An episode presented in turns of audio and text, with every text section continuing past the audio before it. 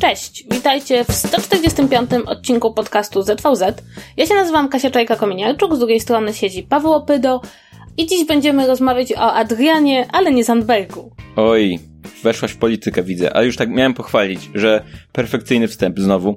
Tymczasem. Yy, ale taki suchar na początek to to jest Ale polityka, weź, przestań. No ale Adrian Zandberg to jest więcej niż polityka, to jest mem. Ale Adri Adrian to jest więcej niż imię, tak w ogóle, więc yy, dobrze. Więc dziś będzie tak, o Adrianie, właśnie. ale będzie też o filmach, do których yy, wracamy, mimo że nie zarabiają pieniędzy. I o mroku, który kryje się w głębi umysłu Kasi. Więc y, miłego słuchania.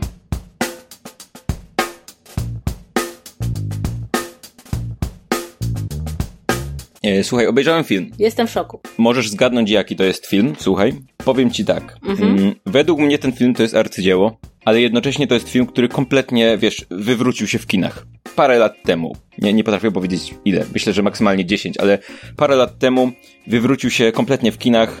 Potem na nośnikach już, że tak powiem, stał się kultowy i jest to film z gatunku science fiction. Zgaduj. O kurczę. Chcesz podpowiedź? Tak. Występuje tam pewien y, bardzo rozpoznawalny aktor, ale można obejrzeć ten film nie wiedząc, że to jest on, dlatego że występuje tam tylko i wyłącznie jego dolna szczęka. Dread? Tak. Obejrzałem ostatnio i yy, nie po raz pierwszy, nie, nie po raz pierwszy, po raz kolejny obejrzałem film Dread z, z, z zabawnego powodu, dlatego że byłem u rodziców i zorientowałem się, że moja mama nie widziała filmu Dread, więc uznałem, że mamo, co się stało z tobą? Co się z tobą dzieje? K kim jesteś, kobieto? Nie wy, to, nie, to nie wychowałaś. Więc stwierdziłem, że pokażę mamie film Dread. E, historia filmu Dread była taka, że e, to jest film na podstawie komiksu.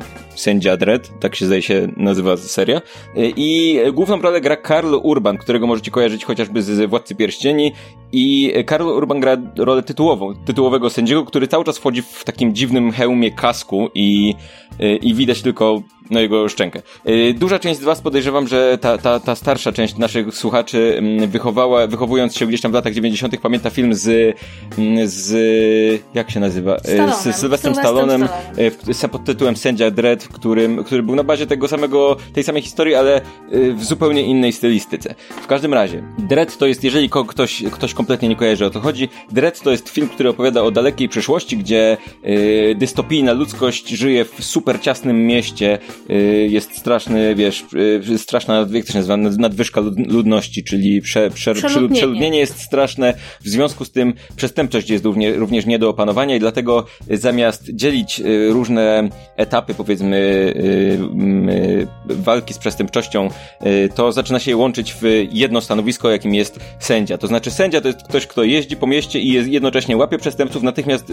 jakby określa, jaki ma być wyrok, jaka ma być kara, a jeżeli jest to kara śmierci, a w wielu przypadkach jest, to natychmiast ją wykonuje na miejscu. Także to jest jakby jedyny, jedyny sposób sposób walki z przestępczością w, tych, w tym czasie. I film pod tytułem Dread opowiada o tym, jak e, doświadczony i znany z ciętego humoru i twardej szczęki yy, sędzia o jakże zaskakującym nazwisku Dread, mm, musi przyjąć y, na, na jeden dzień, ma przyjąć y, taką nową rekrutkę, która, która nie zdała egzaminu na sędziego, ale, czy na sędzie? Na sędzie, nie zdała egzaminu na sędzie, ale musi, ale y, jakby góra chce, żeby dostała jeszcze jedną szansę, dlatego, że ma pewne niespecjalne zdolności. No i pech chce, że, że w trakcie tej niby, tego niby rutynowego dnia bohaterowie trafiają do pewnego budynku, który jest, który ma tam 70 tysięcy mieszkańców, czy coś takiego, opanowanego przez y, gangi narkotykowe i jakby już nie będę, nie będę wchodził dlaczego, y, jakby w szczegóły tego, jak to wygląda, ale budynek zostaje zamknięty z, z mieszkańcami, y, członkami gangu i tą dwójką sędziów w środku, więc to jest film, którego fabuła jest e, troszkę tro skonstruowana jak, mm, jak Fury Road, to znaczy jak Fury Road jest filmem o tym, że bohaterowie jadą w jedną stronę, a potem wracają, no to tutaj jest film o tym, jak ludzie wchodzą po schodach, po wieżowcu, nie? E, więc całość, praktycznie cały film dzieje się w jednym budynku e, i opowiada o tym, jak e, dwójka sędziów próbuje wejść na samą górę, a wszyscy inni chcą, żeby oni nie weszli na samą górę i to jest koniec fabuły. Ale jakby to, jest, to jest kino gatunkowe, okej, okay. to jest kino, to jest pewien określony gatunek, tak? Jeżeli odpalacie ten film, to nie spodziewacie się prawdopodobnie wielu przemyśleń o, y, o nie wiem, egzystencji, lud, egzystencji ludzkiej, ani niesamowitych dialogów. To jest film akcji, kino akcji, które ma być dodatkowo takim, wiesz, dystopijnym, brudnym filmem i, y, i, i to robi doskonale. To znaczy raz, że y, taka czysta konstrukcja tego filmu, to w jaki sposób e, tempo, on jest prowadzony, jakie, jakie tempo e, narzuca, w jaki sposób um, przedstawia nam pewne, pewne rzeczy, w jaki sposób wykorzystuje, um, nie wiem, proste i drobne dialogi tak naprawdę, żeby przedstawić nam y, szczegóły, jakieś informacje o bohaterach gdzieś pomiędzy, pomiędzy wierszami, a po drugie y, niesamowite jest to, jak wygląda. To znaczy, ten film w ogóle wchodził do kin pod tytułem Dread 3D, i wydaje mi się, że to mogło być też elementem tego, że on nie bardzo wyszedł, nie, wypadł, nie wypadł dobrze, jeżeli chodzi o pieniądze, dlatego że są takie sceny, gdzie widać, że to jest film zrealizowany z myślą o tym, że będzie wyświetlany w trzech wymiarach, ale to nie jest tak, że, że to w jakiś sposób specjalny przeszkadza, że się go ogląda w 2D, a mam wrażenie, że to mogło ograniczyć, wiesz, widownię do tych, którzy, yy, wiesz, jak te filmy takie o rekinach w 3D, albo gdzieś tam coś takiego, że my, albo tam kolejka linowa 3D, że to mogli pójść na to tylko ludzie, którzy konkretnie chcieli na 3D, a wydaje mi się, że to mogło temu filmowi zaszkodzić, bo tak po, poza tym zupełnie on wygląda niesamowicie, to znaczy i kadry i to w jaki sposób jest przedstawiona przestrzeń tych ciasnych, tego ciasnego budynku, bloku, tego miasta wewnątrz y, jednego budynku tak naprawdę. To jakie tam jest oświetlenie. Tak się wydaje, że to jest, wiesz, świat, który jest szary, brudny i zardzewiały, ale bohaterowie chodzą po tych korytarzach, które są jakimś cudem oświetlone na zielono i nagle gdzieś wpadają jakieś lampy, które oświetlają tą zieleń na żółto i to wszystko się jakoś dziwnie przenika. Cienie, światła, to naprawdę nie, nie, nie wyobrażałem sobie, że w tak ciekawy i kolorowy, mimo że mroczny, jednocześnie sposób jesteśmy, y, twórcy są w stanie przedstawić, wiesz, chodzenie po bloku starym tak naprawdę, no bo to trochę na tym polega, nie? E, więc y, to, nie, to nie jest, mówię, to jest film, o, który bierze, pro, y, mam dużo skojarzeń z Fury Road, bo to jest prosty pomysł, garść bohaterów, historia tak naprawdę drogi, troszkę, troszkę inna niż Fury Road, ale jednak jakby fabułę jesteśmy w stanie opisać dosłownie w dwóch zdaniach, ale to wszystko w jaki sposób to jest realizowane, w jaki sposób to wygląda, jakie efekty są są, tam użyte, dlatego że sporo jest efektów praktycznych y, i, i, i to w ogóle jak to wszystko działa, doskonała rzecz, naprawdę. To jest film, przy którym trzeba mieć odpowiedni klimat, taki nastrój, tak? To znaczy odpalcie go sobie gdzieś w ciszy, wieczorem, z, nie, nie tak, żeby się pośmiać, tylko tak, żeby usiąść i wsiąknąć w ten świat, w to, jak to wszystko wygląda, w to, jak brudna jest ta rzeczywistość i, i popatrzeć, jak, jak, yy, jak to wszystko wygląda i tak, jak wszystko to jest zrealizowane. Wydaje mi się, że nie będziecie zawiedzeni. Nie wiem, czy ty widziałeś ten film i co uważasz, to jest miejsce, kiedy możesz wydać swoją opinię, bo może ty na przykład nienawidzisz. Ja byłam na Sędziu Dredzie w kinie a, to ty. Tak, to ja byłam tą jedyną osobą, która była w kinie. E, I wyszłam absolutnie zachwycona i uważam, że to jest absolutnie fenomenalny film. Ja jestem w ogóle wielką fanką produkcji, które mają taki bardzo klaustrofobiczny mm, scenariusz, e, a jednocześnie uważam, że jest to jedna z lepszych adaptacji nie tylko postaci komiksowej, ale w ogóle struktury opowieści komiksowej, tak? To, że oni jakby przychodzą, coś się dzieje nagle, zostają uwięzieni w tym budynku i właściwie do, do ostatnich scen czujemy tą klaustrofobiczną, e, ten klaustrofobiczny element historii, i tego zamkniętej społeczności, w której jakby ta hierarchia tego budynku odbija też hierarchię tego, e, jacy ludzie tam mieszkają i to mi się niesamowicie podobało. Też bardzo mi się podobało takie zupełne podejście, inne podejście do jakby samego bohatera, ale też w ogóle skorzystanie z materiału komiksowego, bo to nigdzie nie próbowało e, sięgać no, do, do tego, co znamy z filmów Marvela czy DC, tylko było właśnie taką opowieścią. Mi się też bardzo podoba to skojarzenie z Mad Max Fury Road, to znaczy biorącą takie bardzo mocno, dobrze znane elementy e, z popkultury ale korzystającą z, zarówno pod względem technicznym, jak i właśnie scenariuszowym z trochę innych schematów. Ja do dzisiaj bardzo, bardzo boleję, że, że niestety to skończyło się z takim dosyć słabym wynikiem finansowym i nie było kontynuacji, bo, bo to był po prostu bardzo dobry film, bardzo dobrze pomyślany. I też jakby pokazujące, że jest bardzo dużo miejsca na to, żeby, żeby inaczej zrobić rzecz serialową. To skojarzenie z Fury Road to jest coś, co e, jakby czytałem o tym, w jaki sposób opowiedzieć o filmie, to mi przyszło do głowy, ale tak naprawdę na wielu, na bardzo wielu poziomach również tego, jaki to jest film. To znaczy Fury Road wiadomo, sprzedało się powiedzmy i zarobiło swoje pieniądze i tak dalej, ale gdyby jakimś cudem, e, to jest, okej, okay, w ten sposób. Dread to jest dla mnie coś jak Fury Road, które nie jest znane, bo nie zarobiło dużo pieniędzy, więc e, to jest troszkę tak jakbyście, jeżeli tego nie widzieliście do tej pory, to, no to, no to dla mnie to jest podobne podobny poziom, jeżeli chodzi o, o kino, więc, yy, więc polecam, zwłaszcza, że jest dostępny na streamingu. Nie pamiętam, gdzie to widziałem. Wydaje mi się, że na Netflixie, więc yy, sprawdźcie, poszukajcie i bardzo mocno polecam. Dobrze, to teraz ja opowiem, co obejrzałam, bo ja obejrzałam z kolei nowość i nie poszłam do kina, tylko siedziałam na własnej kanapie i to bardzo sobie to chwalę. Otóż postanowiłam zobaczyć pierwszy odcinek Mrocznych Materii, e, koprodukcji HBO i BBC, którą można w Polsce oglądać na HBO, a jeśli, nie wiem, mieszkacie w Wielkiej Brytanii, to jest na BBC chyba dzień wcześniej.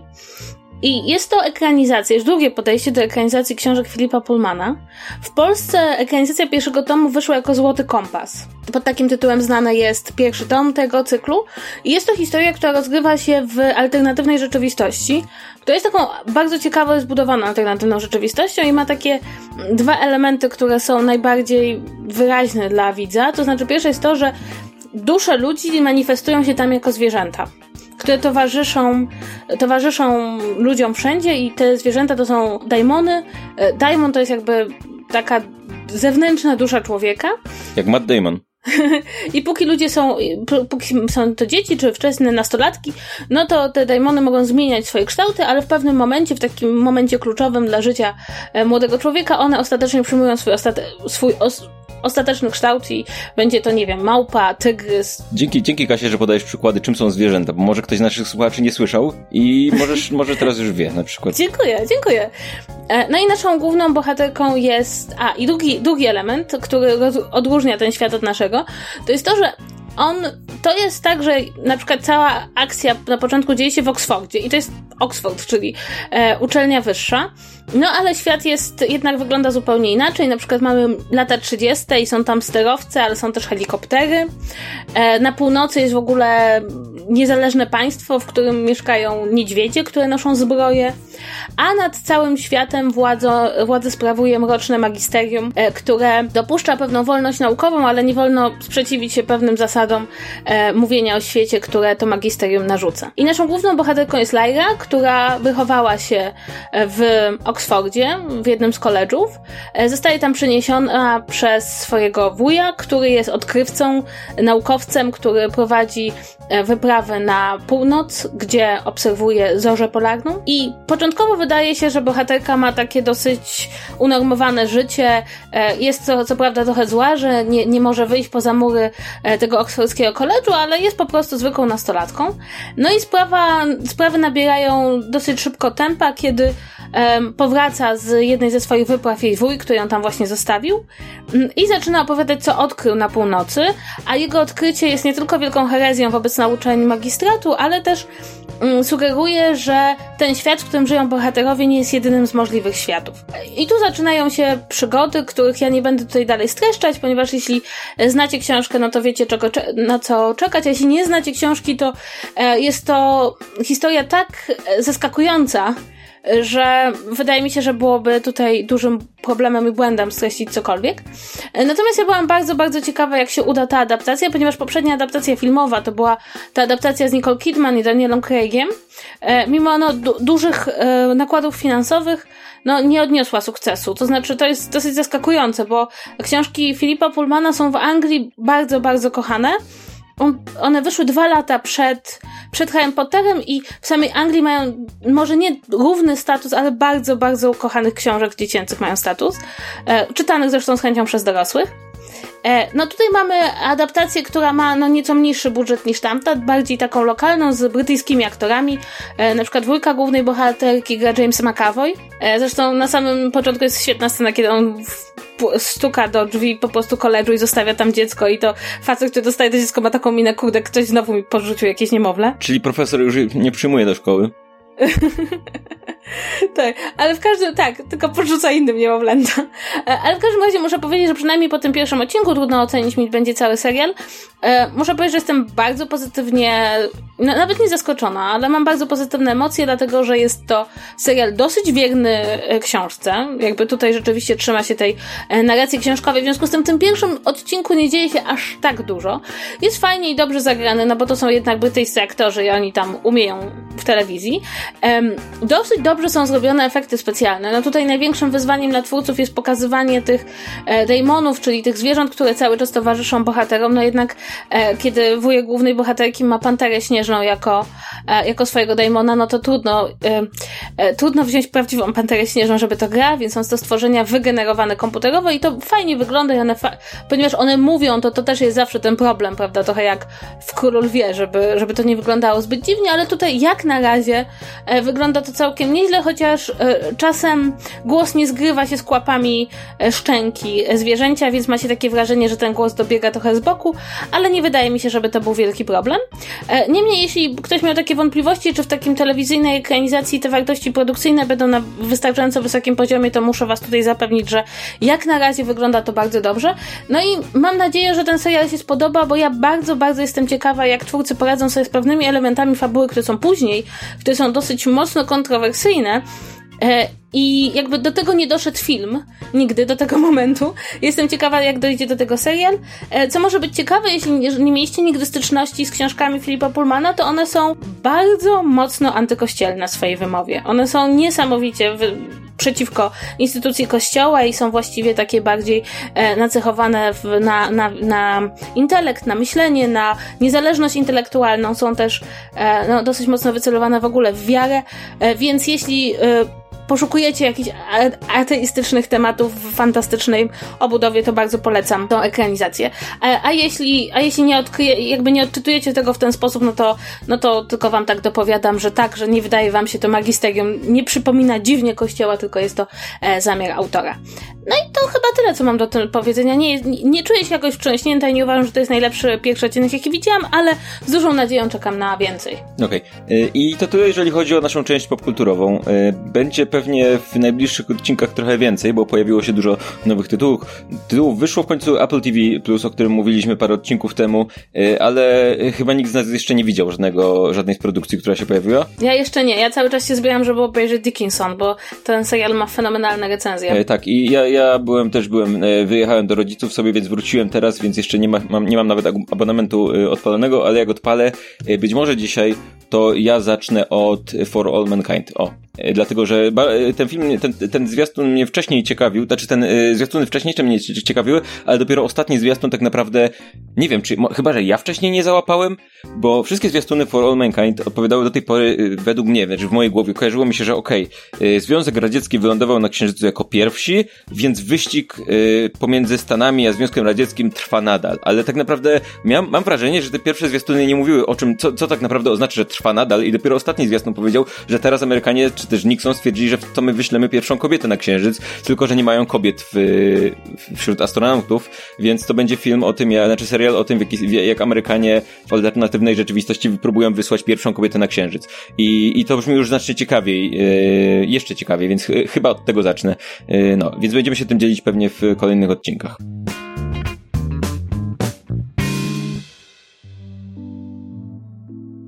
Słuchaj, to jest temat przygotowany przez ciebie. Tak. Więc ja opowiadaj. Teraz możesz poopowiadać. Tylko nie zaczynaj od. Yy, zacznij w, chociaż w XX wieku, co? Dobrze, dobrze. E, nie, ja zacznę stosunkowo niedawno, bo je, w ogóle o czym będziemy rozmawiać? Będziemy rozmawiać o reklamie Rise Stop Adrian, a także trochę szerzej o tym angażowaniu się reklamodawców w kwestie społeczne, ale zacznę od samej reklamy Rise Stop Adrian. Nie wiem, czy kojarzysz w ogóle firmę Adrian, Pawle? Tak, kojarzę firmę Adrian i kojarzę poprzednie reklamy firmy Adrian.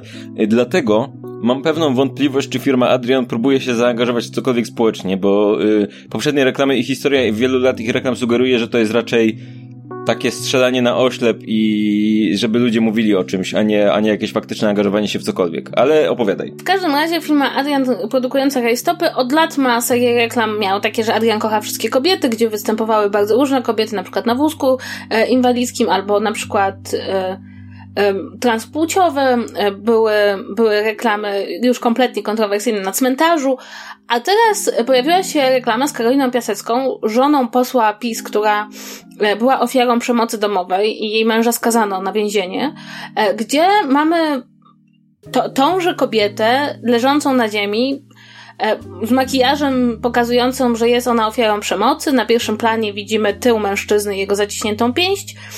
E, no i jest tutaj jakby zawalcz o siebie, takie hasło e, i podpis tejże, tejże kobiety. Reklama teoretycznie ma nas tutaj e, skłaniać do rozmowy o przemocy domowej i jakby ma pokazać wsparcie wobec ofiar przemocy domowej. Problem polega na tym, że to wciąż jest reklama Rajstop i jednym z elementów całego tego przedstawienia są bardzo mocno wyeksponowane chyba pończochy na nogach, e, na nogach e, kobiety. E, co ciekawe, mm, o czym się już mówi od kilku lat, to firma Adrian nie ma żadnych szalonych marketingowców. To Adrian, to Adrian osobiście. Tylko pomysły na reklamy wychodzą od szefowej firmy, od właścicielki firmy, która, która uważa, że tak powinna robić i jakby nie przyjmuje słów krytyki. I ja osobiście powiem szczerze, że ja byłam zszokowana tą reklamą, jakby tym przekroczeniem granic dobrego taktu, którą ona e, prezentuje, ale spotkałam się z opinią, że no w końcu ktoś mówi o przemocy domowej i że jest to dobry punkt do mm, dyskusji, że jest to odważne ze strony firmy, że no nie tylko podjęła ten temat, ale także zaangażowała kobietę, która rzeczywiście jest ofiarą przemocy domowej, której udało się e, jakby ujawnić tą sprawę i doprowadzić do tego, że jej mąż e, został e, zaprowadzony do więzienia. E, I to, powiem szczerze, mnie trochę szokowało o tyle, że ujawniło mi takie przekonanie, którego nie podzielam, że no skoro już firma podjęła ważny temat, no to zasadniczo rzecz biorąc to jest ważne, bo to jest ważny temat. No i ja osobiście nie ukrywam, że ja w ogóle mam olbrzymie wątpliwości co do firm podejmujących tematy społeczne, bo y, rzadko się chyba zdarza, o ile w ogóle się nie zdarza, żeby firma podejmowała jakiś problem społeczny, nie mając z tyłu głowy, że może na tym zarobić. Albo przekonując klientów do tego, że ich firma jest fajna, albo bezpośrednio sprzedając jakieś produkty. Tak, to znaczy uważam, że trzeba mieć, to, to znaczy to, to jest tak, mm, wydaje mi się, że nie, nie chcę wrzucać wszystkich do jednego wora, ale wydaje mi się, że możemy założyć, że w, większości, ogromnej większości przypadków, jeżeli jakaś firma angażuje siebie i swoją markę w jakieś działania okołospołeczne, to znaczy, że robi to z powodów jakichś, to znaczy, czy chce na tym zarobić, to znaczy zwiększając świadomość marki, czy chce poprawić w jakiś sposób swój wizerunek. No jeżeli się pojawia firma i ta firma y, przykleja swoje logo, logo do jakichś działań społecznych, no to znaczy, że chce coś na tym zyskać. Co nie oznacza, że te działania społeczne nie, nie, przestają być dobre albo przestają, przestają przynosić jakiś mm, pozytywny skutek, bo, no bo, no bo dlaczego nie? Ale jakby nie, trzeba brać pod uwagę, że, że gdyby firma chciała, nie wiem, nie, nie chciała nic, nic, niczego zyskać na takich działaniach, tylko po prostu chciałaby, nie wiem, nie wiem, właściciel firmy chce wpłacić pieniądze na jakieś tam, yy, na jakieś tam działania, które popiera, no to by wpłacił po prostu anonimowo, nie? Więc to jakby myślę, że nie pozostawia większych wątpliwości, yy, co nie sprawia, że mówię, nie sprawia, że to przestaje być dobre albo zaczyna być dobre, ale trzeba na to brać pewną poprawkę, bo, yy, bo zbyt często jest tak, że automatycznie zakładamy, że jeżeli jakaś firma angażuje się w jakieś działania społeczne, to, no to to jest ważne, a często jest tak, że niezależne jakieś organizacje, które angażują się w, ten, w te same działania, jakby otrzymują mniejszą uwagę, dlatego że nie są tą rozpoznawalną marką, która robi coś takiego, tylko są, wiesz, jakby ich działania prospołeczne, czy jakieś, mm, czy jakieś e, propublikowane są jedynymi, które tak naprawdę ją, ją wyróżniają.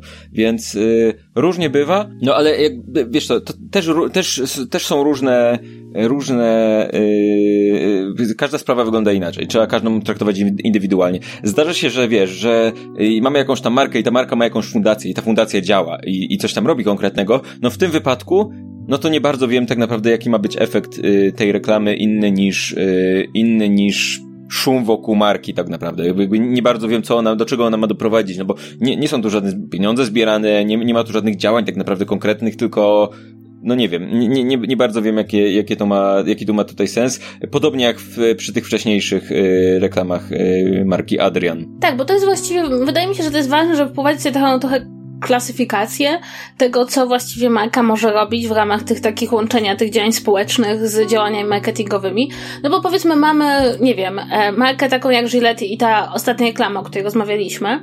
No to jasne, oni nam sprzedają żyletki do golenia, ale z drugiej strony jakby wpisują się w pewną dyskusję, sprawiają, że pewne tezy, które tam, pewne dyskusje społeczne, które są w społeczeństwie, dostają jakieś wsparcie, też jak sam mówiłeś, e, nie zrobiliby tego, gdyby im się to nie opłacało, więc prawdopodobnie próbują skierować swój przekaz do młodszych mężczyzn.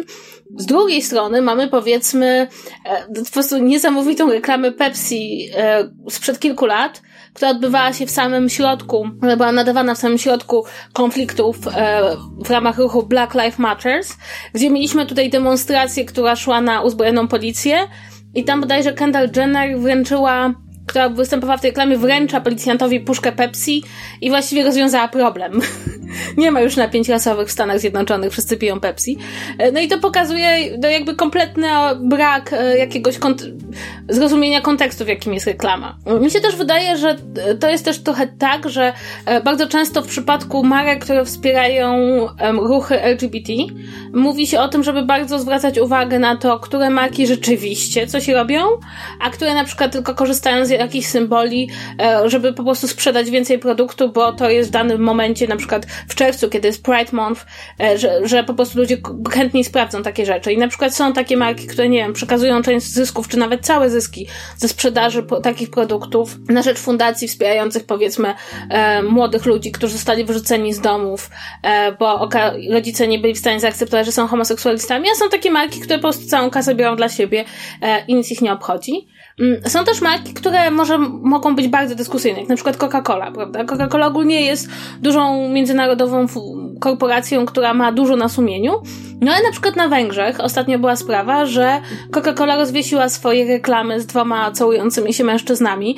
Na Węgrzech obecnie są takie nastroje anty-LGBT mniej więcej jak w Polsce. No i jakby nie, nie poddali się presji i zapłacili bardzo dużą karę, ale jednocześnie jakby pokazali bardzo realne wsparcie dla tej mniejszości, więc zgadzam się z Tobą, że jakby każdy przypadek każdego działania marketingowego e, trzeba oceniać w odpowiednim kontekście, bo rzeczywiście bardzo łatwo, e, bardzo łatwo się tutaj e, przewrócić, czy bardzo łatwo e, sprawę skompromitować. To jest taka rzecz, o której ja zawsze myślę, nie wiem, czy byłeś ostatnio w kinie, bo jak ja chodzę do kina, to są chyba trzy reklamy banków, które w jakiś sposób korzystają z tego, że obecnie jest bardzo dużo protestów klimatycznych i dużo się mówi o zmianach klimatu. Każdy z tych banków próbuje cię przekonać, że jeśli weźmiesz u nich pożyczkę, to w jakiś sposób pomożesz w walce ze zmianami klimatu.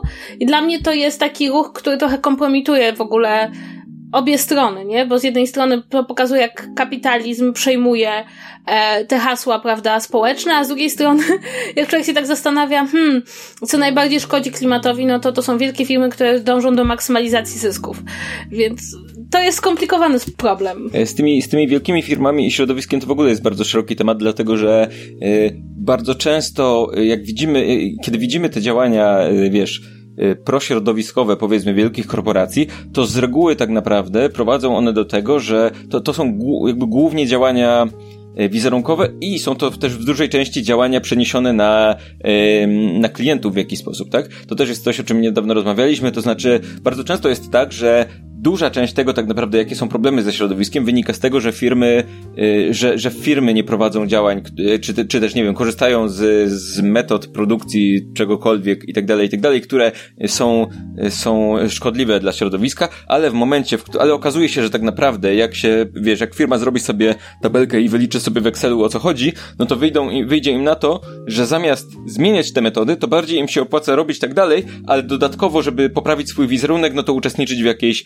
akcji społecznej związanej z, z poprawą, z ochroną środowiska, która często sprowadza się do tego, że w jakiś sposób, w jakiś sposób się, wiesz, prze, ten problem przekłada na odbiorcę, tak? Mówi się mu, patrz, tutaj tu segreguj, segreguj będzie dobrze. To, to nie jest tak, że my y, coś tam robimy źle, czy my produkując coś tam, y, wiesz, y, w, w, z, z nieodnawialnych tych materiałów, czy, czy coś takiego stanowimy problem. Nie, nie My, my, my tu pomagamy, bo my mamy taką akcję, przekazaliśmy tu pieniądze, żeby ludzie, żebyście wy klienci e, segregowali. I to na was przykładam. Już, już nie pamiętam, która to marka wysyłała tam żywiec, żywiec tak? Wysyłał... Mm... Nie, Coca-Cola wysłała puste butelki, a żywiec miał taką wielką akcję, że ten ich plastik to w sumie nie szkodzi, jest bardziej ekologiczny niż szkło i miał no taką... tutaj akurat to z tymi butelkami, które oni robią, to takie pół y, biodegradowalne, no to już jest akurat, wiesz, krok jakiś, który sprawia, że y, który jest po stronie firmy, nie? Ale potem było to takie wysyłanie butelek na przykład, to takie, są też takie, y, jest też takie czyste angażowanie się marek, okej, okay, my szkodzimy środowisku, ale dodatkowo dodamy pieniądze na, na to, żeby, y, żeby uczestniczyć w jakiejś akcji która ma to naprawiać. Czy tylko, że to jest akcja, która ma naprawiać nasze własne błędy, których my nie naprawiamy, tylko zamiast tego płacimy pieniądze na to, żeby je z, jakby z zewnątrz e, minimalizować. Więc to jest jedna rzecz. Druga rzecz, o której chciałbym powiedzieć, e, to jest, to jest e, czas, czas działania tego i czas, czas tworzenia takich akcji, powiedzmy. To znaczy, żyjemy w czasach, w których rzeczy, które się dzieją, dyskusje, które się pojawiają w internecie, wydarzenia, które budzą kontrowersje i tak dalej, i tak dalej, dzieją się na tyle szybko, a jednocześnie tak wiele marek reaguje na nie w jakiś sposób, w internecie, nie w internecie, ale w jakiś sposób się dołącza do różnych ważnych wydarzeń, że często to jest tak, że, że nie ma czasu na to, żeby pomyśleć, jaki to ma sens, tak? To jest tak, że coś się dzieje i marki muszą szybko, pojawia się nowy, czy to, czy to jest mem nowy, który się pojawia, czy to jest wydarzenie, które wzbudziło jakąś, jakieś kontrowersje, to czy to jest, nie wiem, wypowiedź polityka, czy to jest y, y, cokolwiek takiego, marki muszą reagować szybko, a w momencie, w którym reagują szybko, no to niekoniecznie mają cza czas przemyśleć, czy to reagowanie ma sens i bardzo często to reagowanie y, jakby bardziej istotne jest to, żeby było szybkie, niż żeby było prawdziwe tak naprawdę. Więc trzeba szybko walnąć coś w social media, trzeba szybko, szybko wiesz, zmienić logo, zrobić jakiś specjalny billboard, okazać wsparcie w jakiś sposób, yy, bo jak inni okażą wsparcie, to, to już będzie po ptokach. Nie musimy jak najszybciej okazać wsparcie, coś tam zrobić i to wydaje mi się sprawia też w dużej części, że to angażowanie się marek jest yy, takie bardzo powierzchowne, dlatego że to są często wydarzenia, które się pojawiają nagle i, i te, te reakcje marek pojawiają się równie nagle, nie? Tak, ogólnie ukuło się nawet takie określenie po angielsku, co się nazywa woke washing, e, że właśnie, że ponieważ teraz, zwłaszcza młodzi ludzie są coraz bardziej tacy świadomi problemów społecznych, no to żeby przypodobać się młodym ludziom, to właśnie coraz więcej marek korzysta z tych dużych i małych problemów społecznych. Dla mnie takim przykładem jeszcze jednej rzeczy, z którą marki bardzo chętnie sięgają i bardzo trudno tutaj jakby wyczuć, o jakich intencjach mówimy, to są wszystkie te kampanie, które korzystają z ruchu body positivity, bo na przykład na tym bardzo wypłynęło Dove, które przez bardzo długi czas pokazywało reklamy z kobietami, które nie są szczupłe ale też jakby z jednej strony to było takie, no zobaczcie, prawda, DAF jest dla prawdziwych kobiet, dla, dla wszystkich kobiet, ale z drugiej strony, kiedy się tam trochę poskrobało w tych kampaniach, no to wychodziło bardzo wyraźnie, że e, z, z jednej strony to nie chodzi o, to, to, to, też bardzo antagonizowało kobiety i też jakby dopuszczało tylko pewien rodzaj urody do, do tych reklam. E, Niedawno Gillette zaproponowało w jednej ze swoich reklam e, bardzo takiej kobiecie, która cierpi na taką przypadłość, której niesamowicie tyją nogi. E, że ma się, to jest taki e, tłuszcz odkłada się głównie w nogach. Jest to taka bardzo bolesna choroba genetyczna. E, no i dziewczyna się pokazała, jest taką dosyć znaną instagramerką. No ale znowu, jakby jest to z jednej strony pokazujemy zupełnie inne ciało, z drugiej strony mówimy, a kobieto, nawet jeśli masz e, poważną chorobę nóg, to nie zapomnij je ogolić, tak?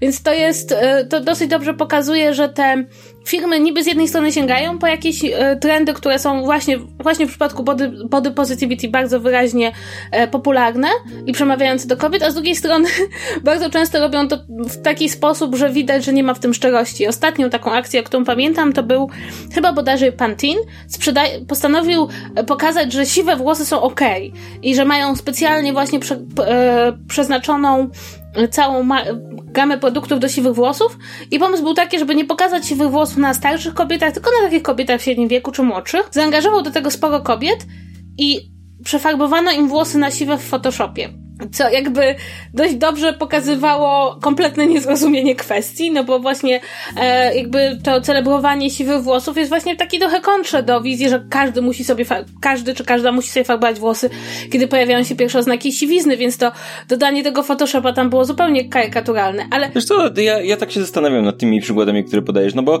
poda- dodanie Photoshopa, no okej, okay, gdybyś nie wiedziała, bo rozumiem, że to było tak, że oni po prostu dodali tego Photoshopa, ale to było znaczy, pytanie jest takie, czy gdybyś nie wiedziała, to ty, to, czy, to, czy to byłby problem, nie? Czy to nie jest tak, że po prostu to jest kwestia raczej realizacyjna i tego, że łatwiej było zrealizować w ten sposób i to brzmi głupio, ale w sumie to efekt ostateczny, gdybyś, wiesz, nie miała świadomości, że to jest dodane w Photoshopie, to nie zrobiłby ci żadnej różnicy, więc tak naprawdę to jest mm, może niezręczność, ale, ale, ale niekoniecznie niezrozumienie znaczy, kompletne wiesz, tego, co się dzieje. Dla mnie problem akurat tutaj, to, to nie jest jakiś kluczowy społeczny, tak? Ale problem polega na tym, że właśnie e, fakt, że żadna z tych, że żadna kobieta im się tutaj, która ma farbowane na co dzień włosy nie zdecyduje im się zaprzestać farbowania, żeby pokazać siwiznę, pokazuje, że jednak siwizna nadal jeszcze się ukrywa, co trochę stoi w sprzeczności z mm, wymową mm, samej reklamy. Ale dla mnie, to znaczy dla mnie to nie jest akurat bardzo ważne, bo jakby kwestia pokazywania i niepokazywania siwizny nie jest jakimś kluczowym problemem społecznym, e, ale raczej pokazuje, że marki sięgają po, po praktycznie wszystkie te właśnie takie przebudzone trendy, nie wiem jak się woke tłumaczy na polski, po to, żeby, żeby się wpisać w jakiś taki sposób myślenia o marce, że on pasuje do mojego światopoglądu, co niekoniecznie jest prawdą. Wiesz co, Tak. To, to jest tak. Jest, jest, cała ta kwestia ma bardzo wiele stron różnych, ale i, i przede wszystkim też jest to taka strona, że czasem, y, czasem y, z, trzeba mieć pewną zasadę ograniczonego zaufania. Zwłaszcza, no my na przykład, jako gdzieś tam ludzie tworzący coś w internecie, podejrzewam, że regularnie też dostajesz zaproszenie od jakichś marek do brania udziału w akcji społecznej, która w sumie jest akcją tak naprawdę reklamową tej marki, no ale to jest akcja społeczna, więc weź udział za darmo i, i to jest takie dziwne, tak? Bo ktoś mógłby powiedzieć z nas, ktoś z nas Och, mógłby tak, powiedzieć, tak. no ale dobra, no ale to jest akcja społeczna, to, znaczy ktoś mógłby nam tak powiedzieć, no to dlaczego my chcemy jakieś pieniędzy? A z drugiej strony, no niekoniecznie. Jeżeli to jest akcja, w której marka jest gdzieś tam na pierwszym miejscu i wszyscy, którzy ją organizują, zajmują się, czy, czy agencja reklamowa, czy ta firma, yy, gdzieś tam, wiesz, zarabiają na tym, że pracują nad tym, bo są zatrudnieni przez dane marki, no to, ale ostatecznie się mówi, jakby wykorzystuje tak naprawdę to, to ten pretekst akcji społecznej do tego, żeby gdzieś tam ktoś, z, wiesz, swojego wizerunku użyczył za darmo na rzecz marki, więc to jest rzecz, która na przykład wydaje mi się bardzo mocno nie fair mm, i, i, i jest problemem. No ale z drugiej strony dla mnie najbardziej istotne jest to, no bo tak jak mówię, y, zawsze trzeba brać pod uwagę to, że marka w jakiś sposób prawdopodobnie chce coś zyskać na tym. Mm, bywa, bywa różnie y, i nie, wie, nie wiem, nie, nie, nie powiedziałbym, że, że y, inaczej, powiem tak, prawdopodobnie zawsze chcę na tym zyskać, ale myślę, że to, jak bardzo jest to istotne, to już zależy od marki, że, że jakby je, są takie, dla których to jest równie ważne. Nie wiem, czy kojarzysz tą inicjatywę, która nazywa się Red, Product Red, jak czerwony produkt, no? no właśnie, myślałam, że o niej powiesz, bo, bo wiem, że e, jesteś Wiesz, fanem. Znaczy jestem po prostu fanem czerwonych rzeczy, nie wiem, czy jestem, czy jestem fanem inicjatywy. To jest, inicjatywa polega na tym, że różne marki, które są częścią tego, tam nie, e, jakby, wydaje mi się, że nieważne, nie, nie, nie chcę powiedzieć, kto to organizował, bo, kto, kto to zaczął, bo, bo, bo nie chcę się pomylić. W każdym razie polega to na tym, że marki, które są, które biorą udział w tej, w tej akcji, y, tworzą swój, y, tworzą swoje produkty, które normalne, normalnie jakby sprzedają standardowo w wersji y, w czerwonej, z takim charakterystycznym odcieniem czerwonego, właśnie tym Product Red. Ona jest oznaczona napisem Product Red i część zysków jest, jest przekazywana na, na leczenie HIV, na, na research i tak dalej, i tak dalej, nie?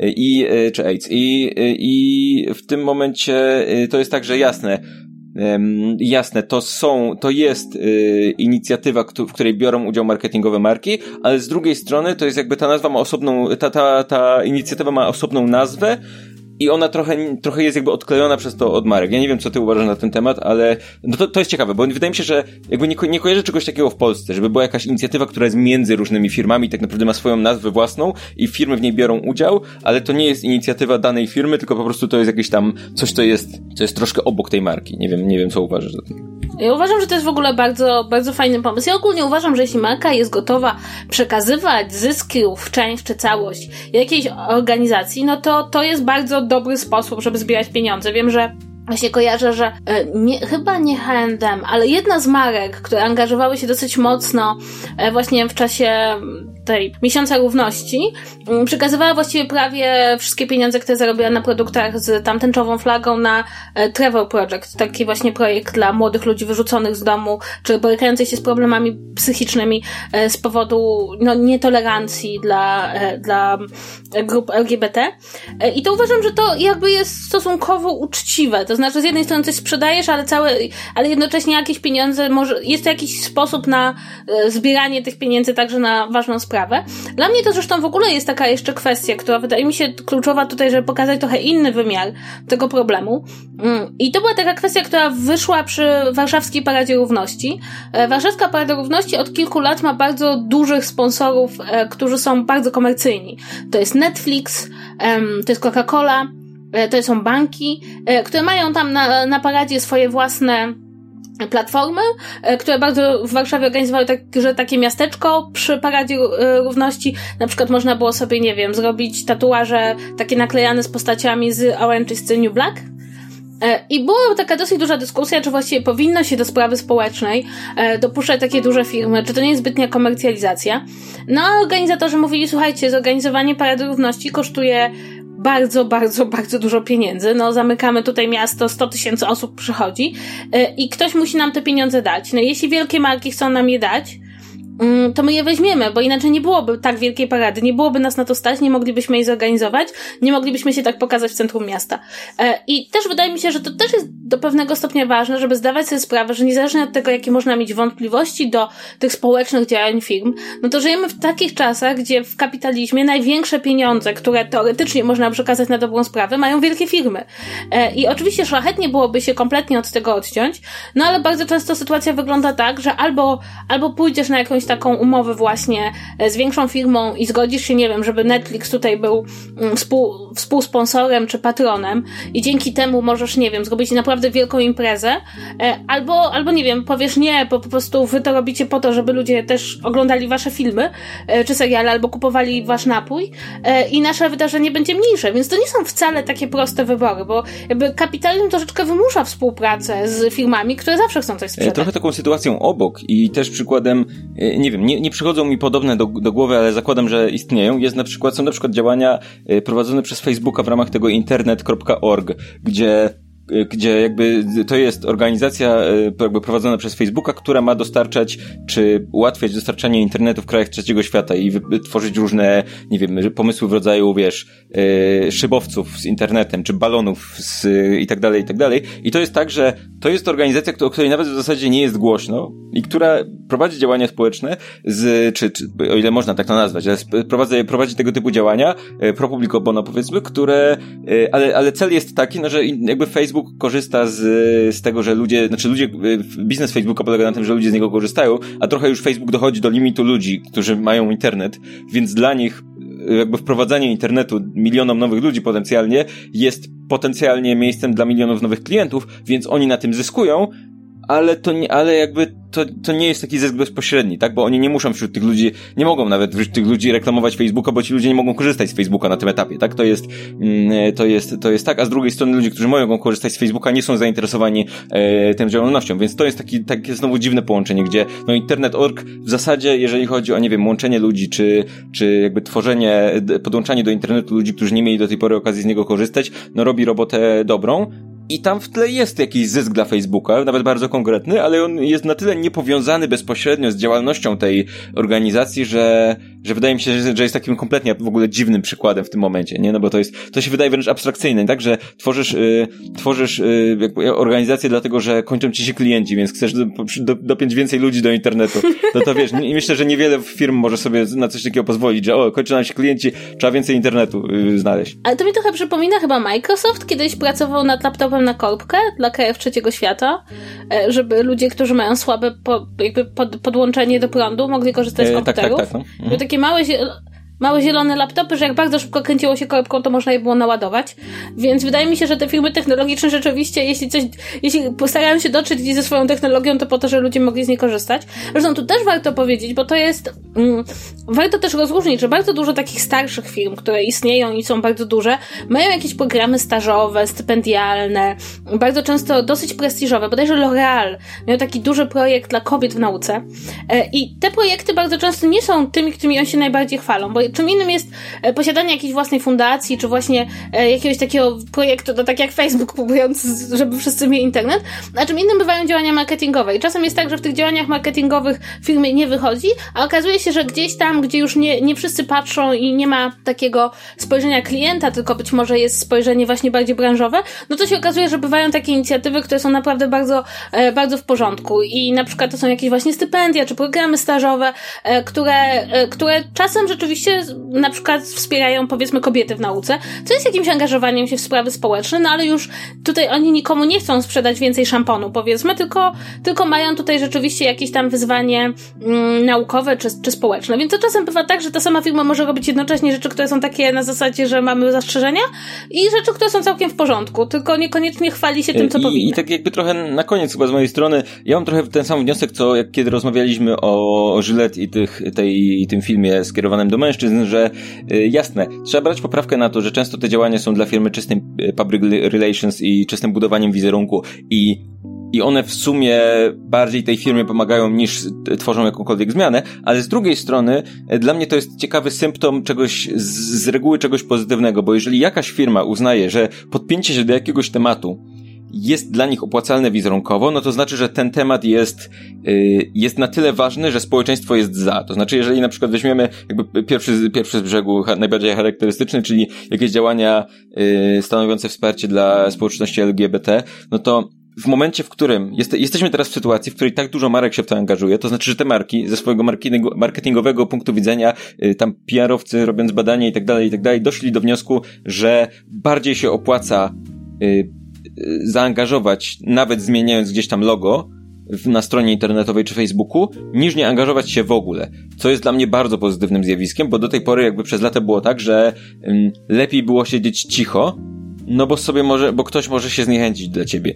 Teraz wychodzi na to, że żyjemy w takich czasach, w których siedzenie cicho to jest za mało i bardziej się firmie opłaca yy, wizerunkowo yy, włączyć w takie działania, nawet jeżeli to w praktyce nie ma znaczenia, Y, co według mnie ma przynajmniej to znaczenie, że oswaja ludzi z tematem, że, że skoro tak wiele firm to robi, no to, no to znaczy, że grupy, które są przeciwko są już trochę w odwrocie. I, i to jest jakby, to nie, nie wynika, to nie jest coś pozytywnego, co wynika z działań tych firm, ale to jest według mnie coś y, pozytywnego, czego symptomem są działania tych firm i ten kierunek, więc to jest coś, co według mnie y, warto wtedy docenić i warto, może nie docenić w ten sposób, tylko warto się z tego cieszyć, bo, bo no takie są moje wnioski. Jeżeli firma się w coś takiego angażuje, to znaczy, że no, jeżeli to jest wielka korporacja, no to na pewno nie robią tego, wiesz, sobie na szkodę. A jeżeli nie robią tego sobie na szkodę, to znaczy, że, yy, że i żyjemy w coraz lepszych czasach, przynajmniej w jakimś tam y, stopniu, nie? Tak, a jeśli firma pragnie zaangażować się w tak bardzo ważny, kontrowersyjny temat e, jak przemoc domowa, to niech zrobi to z taktem i zachowaniem dobrego smaku i też z taką myślą, że co jest najważniejsze w takim zaangażowaniu się, żeby jednak nie tylko sprzedać produkt, ale dać też jakąś pozytywną informację. I mam takie wrażenie, że gdyby firma Adrian pokazała tą samą kobietę, nawet w rajstopach firmy Adrian, w innej sytuacji, chociażby, nie wiem, stojącą w sądzie i pokazującą jak, e, nie wiem, plecy męża wyprowadzonego przez, nie wiem, strażnika sądowego, bo właśnie został skazany, to wtedy ta reklama, nawet jeśli nie byłaby w najlepszym tonie, to przynajmniej miałaby ja, jakikolwiek ja ogóle, sens. Przepraszam, ale ja nie wyobra- naprawdę nie wyobrażam sobie reklamowania jakiegokolwiek produktu przy okazji przy tematu przemocy domowej. Jakby nie wyobrażam sobie, żeby to by, żeby był jakikolwiek sposób, żeby to przedstawić tak, żeby to miało sens, szczerze mówiąc. Nie, że, znaczy, powiem ci tak, jestem sobie w stanie wyobrazić, że jest, można to pokazać tak, żeby to nie miało sensu, ale nie przekraczało każdej możliwej granicy dobrego smaku. E, ale nie, ja, ma, ja mam wiele w ogóle pomysłów, ja może jak będą jakieś, e, te, jak będą jakieś na przykład zamieszki na Paradach Równości, to żeby firmy tak? na przykład y, sponsorowały ludzi, którzy się biją, nie? W sensie na przykład sponsorowały bojówki, yy, prawicowe firmy będą sponsorowały bojówki Kiboli, a na przykład, yy, nie wiem, yy, firmy będące, popierające środowiska LGBT będą rozdawały tarcze, na przykład tęczowe tarcze, o, żeby było ten. I żeby były, było też, były też e, ten naming taki, żeby te grupy miały na przykład o Marsz Równości, Nivea Marsz Równości, na przykład niech się to nazywa. Ale ja się obawiam, że my kiedyś, kiedyś do tego dojdziemy i że to też jest jakiś, jakiś znak naszych czasów. E, natomiast ostatnia, no jakby taki też w ramach podsumowania, że samo podejmowanie problemów społecznych, samo ich wykorzystywanie w marketingu nie oznacza, że robicie to dobrze i nie oznacza, że firma nie, nie, jakby nie musi spełnić wszystkich innych kryteriów, bo też się spotkałam z takim przekonaniem, że skoro już podjęto jakiś temat, to jest okej. E, I też zastanawiamy się, przynajmniej ja się tak zastanawiam na koniec, czy możecie podać przykład jakichś reklam nawiązujących do problemów społecznych, które waszym zdaniem zrobiły to fajnie, zrobiły to dobrze, tak, że poczuliście, że okej, nie tylko, nie tylko wasze zaufanie do marki wzrosło, czy wasza sympatia do marki, ale rzeczywiście udało się jakby jakiś przekaz, nie wiem, pokazać większej ilości osób. Ja trochę mam takie uczucia względem Nike. Nike, no. Nike, tak jak to się czyta. Nike i tego, e, i takiej serii reklam wspierających Serenę Williams i wspierających e, tego przyklę- w ogóle tych przyklękających w czasie hymnu futbolistów amerykańskich. Jest była taka, taka akcja, że czarnoskórzy futboliści amerykańscy przyklękali w czasie hymnu Stanów Zjednoczonych w jakby proteście przeciwko przemocy wobec osób czarnoskórych.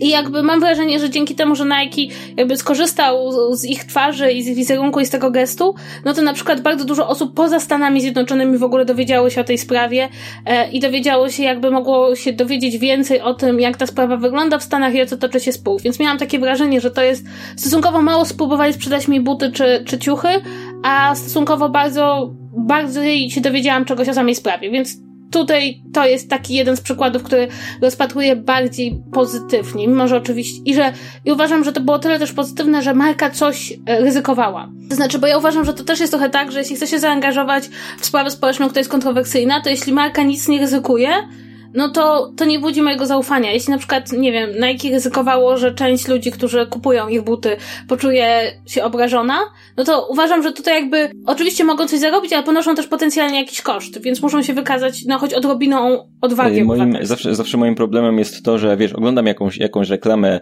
yy, która działa na mnie jakby prospołecznie i przestała, przestaje działać w momencie, w którym pojawia się logo marki. To jest, to jest najgorszy problem, bo bardzo często to jest tak, że wiesz, marka ma pomysł na jakąś tam reklamę i na końcu się pojawia. Ja pamiętam jak, mm, pamiętam rzecz, która była ciekawa i która, y, y, nie, trochę już mamy za mało czasu, żeby o tym teraz rozmawiać. Ja sam nie wiem tak naprawdę, ale nie wiem, czy pamiętasz taką reklamę o tym, że ludzie brudzą oceany i że wylatują rzeczy z oceanów. Była taka reklama, że wiesz, masz, nagle z oceanów zaczynają wylatywać śmieci, statki, gdzieś tam lądują na brzegu, ten ocean po prostu się, wiesz, wkurza, nie? I masz taką, takie poczucie, że kurczę, my faktycznie syfimy te oceany i na końcu masz taką krystalicznie czystą wodę i kamera wlata w tą wodę i pod tą wodę i jedyne co zostaje to, jedyne, jedyne co się okazało, że zostało na dnie to wódka. Już nie pamiętam jakiej marki, Smirnow, jakieś coś takiego, wódka, która jest tak czysta, że jej nie wyrzuciło, nie? I to było takie, okej. Okay. I tak, tak, tak z jednej strony, okej, okay, to, to ma sens w całości, ale z drugiej strony to jest jakby dwie reklamy, które są stalone w jedno i trochę do siebie nie pasują, nie? Bo te, ten wniosek z tą wódką jest jakby odwraca, sprawia, że ten, ten poważny ton przestaje mieć znaczenie, a z drugiej strony ten poważny ton y, jakby działa tylko w momencie, w którym jakby nie masz na końcu tego takiego, ale za nasza wódka jest okej, okay. więc, więc spoko. Y, no, więc to na koniec, tak w ramach żartu przypomniałem sobie tą reklamę. Y, dajcie znać, jak uważacie, a od nas to już tyle. Słuchajcie, dziś krótko. Zajrzyjcie na zvz.pl, zajrzyjcie na facebook.com zvz.pl pisane razem i napiszcie do nas na kontakt małpa zvz.pl, jeżeli macie pomysły albo cokolwiek. Zbliżamy się już powoli, powoli, powoli do końca sezonu. Mamy 10 odcinków z 15, więc piszcie do nas listy no, do ostatniego odcinka, w którym pewnie będziemy je czytać i odpowiadać na nie. Więc jeżeli chcecie o nas o coś zapytać albo w ogóle y, macie jakikolwiek, jakikolwiek pomysł na niesamowity list do nas, na który będziemy mogli odpowiedzieć na antenie, no to piszcie kontakt małpa zvz.pl. A od nas to już tyle w tym tygodniu. Do usłyszenia za tydzień i żegnajcie. Pa, pa!